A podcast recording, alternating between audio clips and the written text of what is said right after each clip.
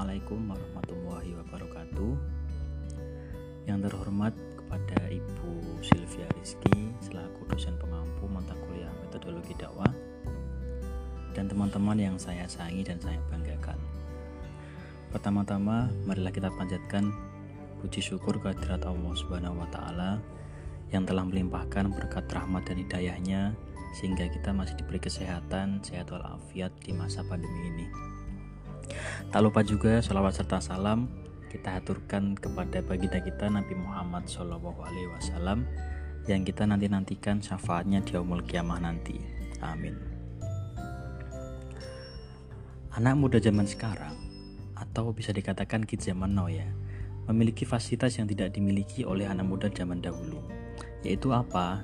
Internet. Zaman sekarang, anak-anak bebas untuk mengakses segala konten di dunia maya mulai dari tulisan, foto, video yang dibagikan di Facebook, Instagram, YouTube, dan berbagai media lainnya. Banyak di antara materi tersebut yang tidak sesuai dengan agama Islam. Yang paling banyak beredar misalnya adalah uh, pornografi.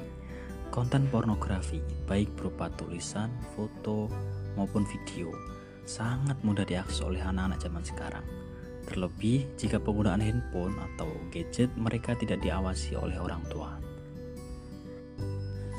Materi lain yang berbahaya adalah tentang syirik atau menyekutukan Allah. Banyak anak muda zaman sekarang atau kids zaman now yang landasan agamanya itu kuat dan akhirnya mereka mempercayai berbagai konten syirik di dunia maya.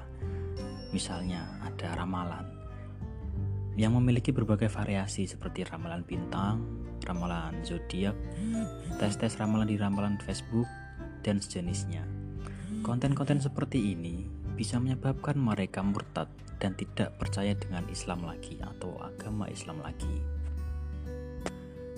Konten lain yang kurang sesuai adalah dengan Islam itu uh, budaya hedonis.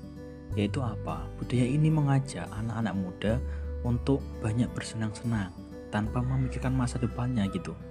Salah satu contohnya adalah konten TikTokers yang cukup viral di Instagram.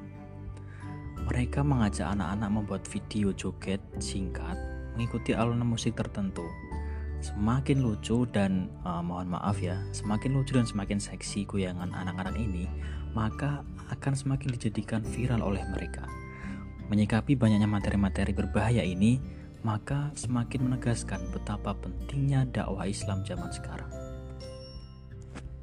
Seperti yang kita tahu, dakwah adalah kegiatan untuk mengajak atau menyuruh kepada Sang Pencipta atau Sang Holik, yaitu Allah. Semakin berkembangnya zaman, tuntutan dakwah Islam menjadi semakin penting. Banyaknya pemikiran maupun gerakan yang berseberangan dengan Islam membuat para generasi muda Islam seperti kehilangan identitas, sehingga di antara mereka tidak sedikit terjebak kepada paham-paham radikal.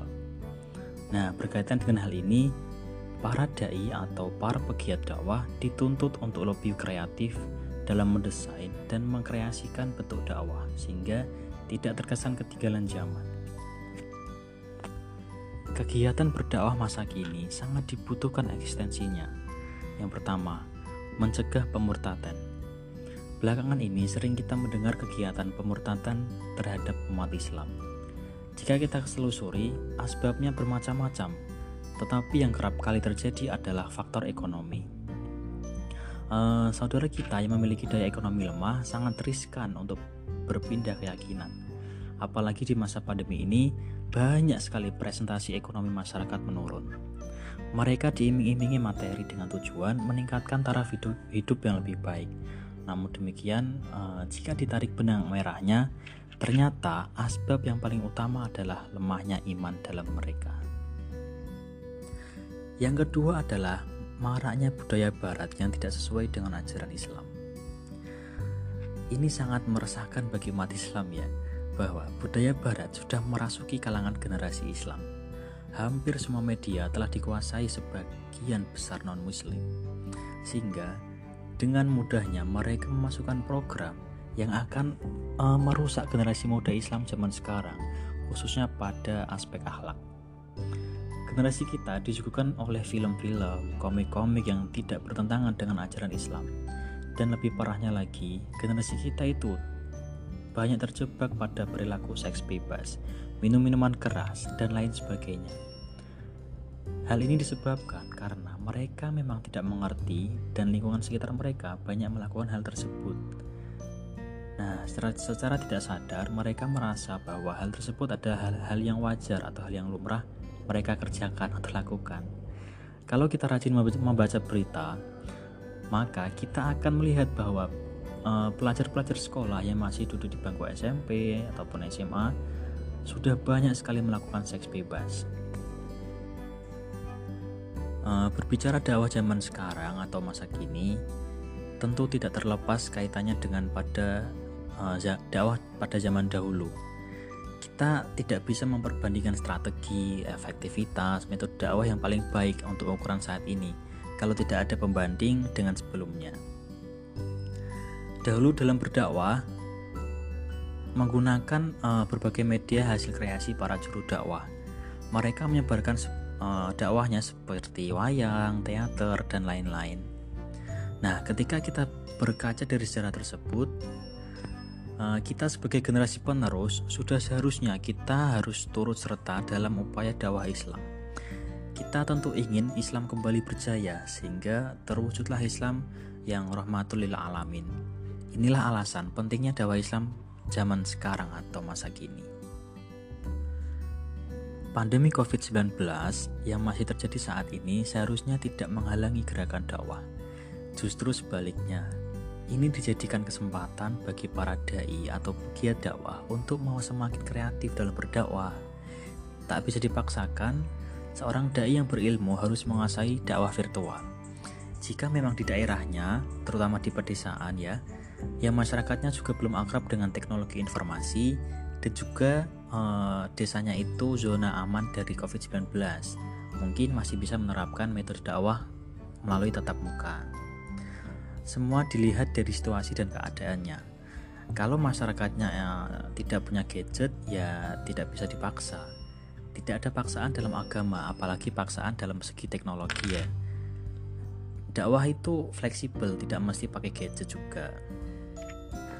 Seperti contoh, uh, seorang dai bisa berdakwah itu uh, dengan memberikan bantuan sosial kepada masyarakat. Selain itu, seorang dai di wilayah ini bisa memberikan contoh yang teladan yang baik atau akhlak yang baik kepada keluarga maupun halayak ramai. Di mana jika dai tersebut uh, dekat dengan masyarakat bisa membawa perubahan ke arah yang lebih baik kepada masyarakat tersebut. Meski dakwah harus terus bergerak, dakwah juga harus dipikirkan metodenya. Para dai atau pegiat dakwah harus memahami juga arus teknologi informasi zaman sekarang, seperti membuat film-film pendek yang bersifat dakwah, karena ini bisa menarik kalangan milenial untuk menandingi konten-konten yang kurang positif dan menciptakan generasi muslim yang baik yang bisa mengamalkan ajaran Islam dengan baik dan mewujudkan pribadi muslim yang saling tolong-menolong dalam kebersamaan. Sekian dari saya. Apabila ada tutur kata yang salah, saya mohon maaf. Assalamualaikum warahmatullahi wabarakatuh.